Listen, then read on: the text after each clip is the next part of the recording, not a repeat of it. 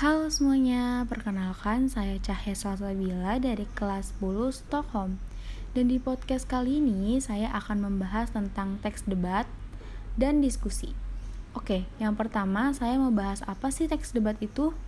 Teks debat adalah penyajian pendapat dua pihak yang saling mengemukakan berbagai alasan dan argumen mereka Atau bisa dibilang pro kontra. Teks debat merupakan keturunan dari teks eksposisi Perbedaan diskusi dan debat yaitu diskusi membandingkan beberapa pendapat yang bisa berlawanan atau sedikit berbeda. Kemudian, teks diskusi menyimpulkan jalan tengah yang dapat ditempuh agar pendapat menjadi lebih efektif dalam diterapkan. Sementara, debat mengadukan dua pendapat untuk mencapai kemenangan satu pihak.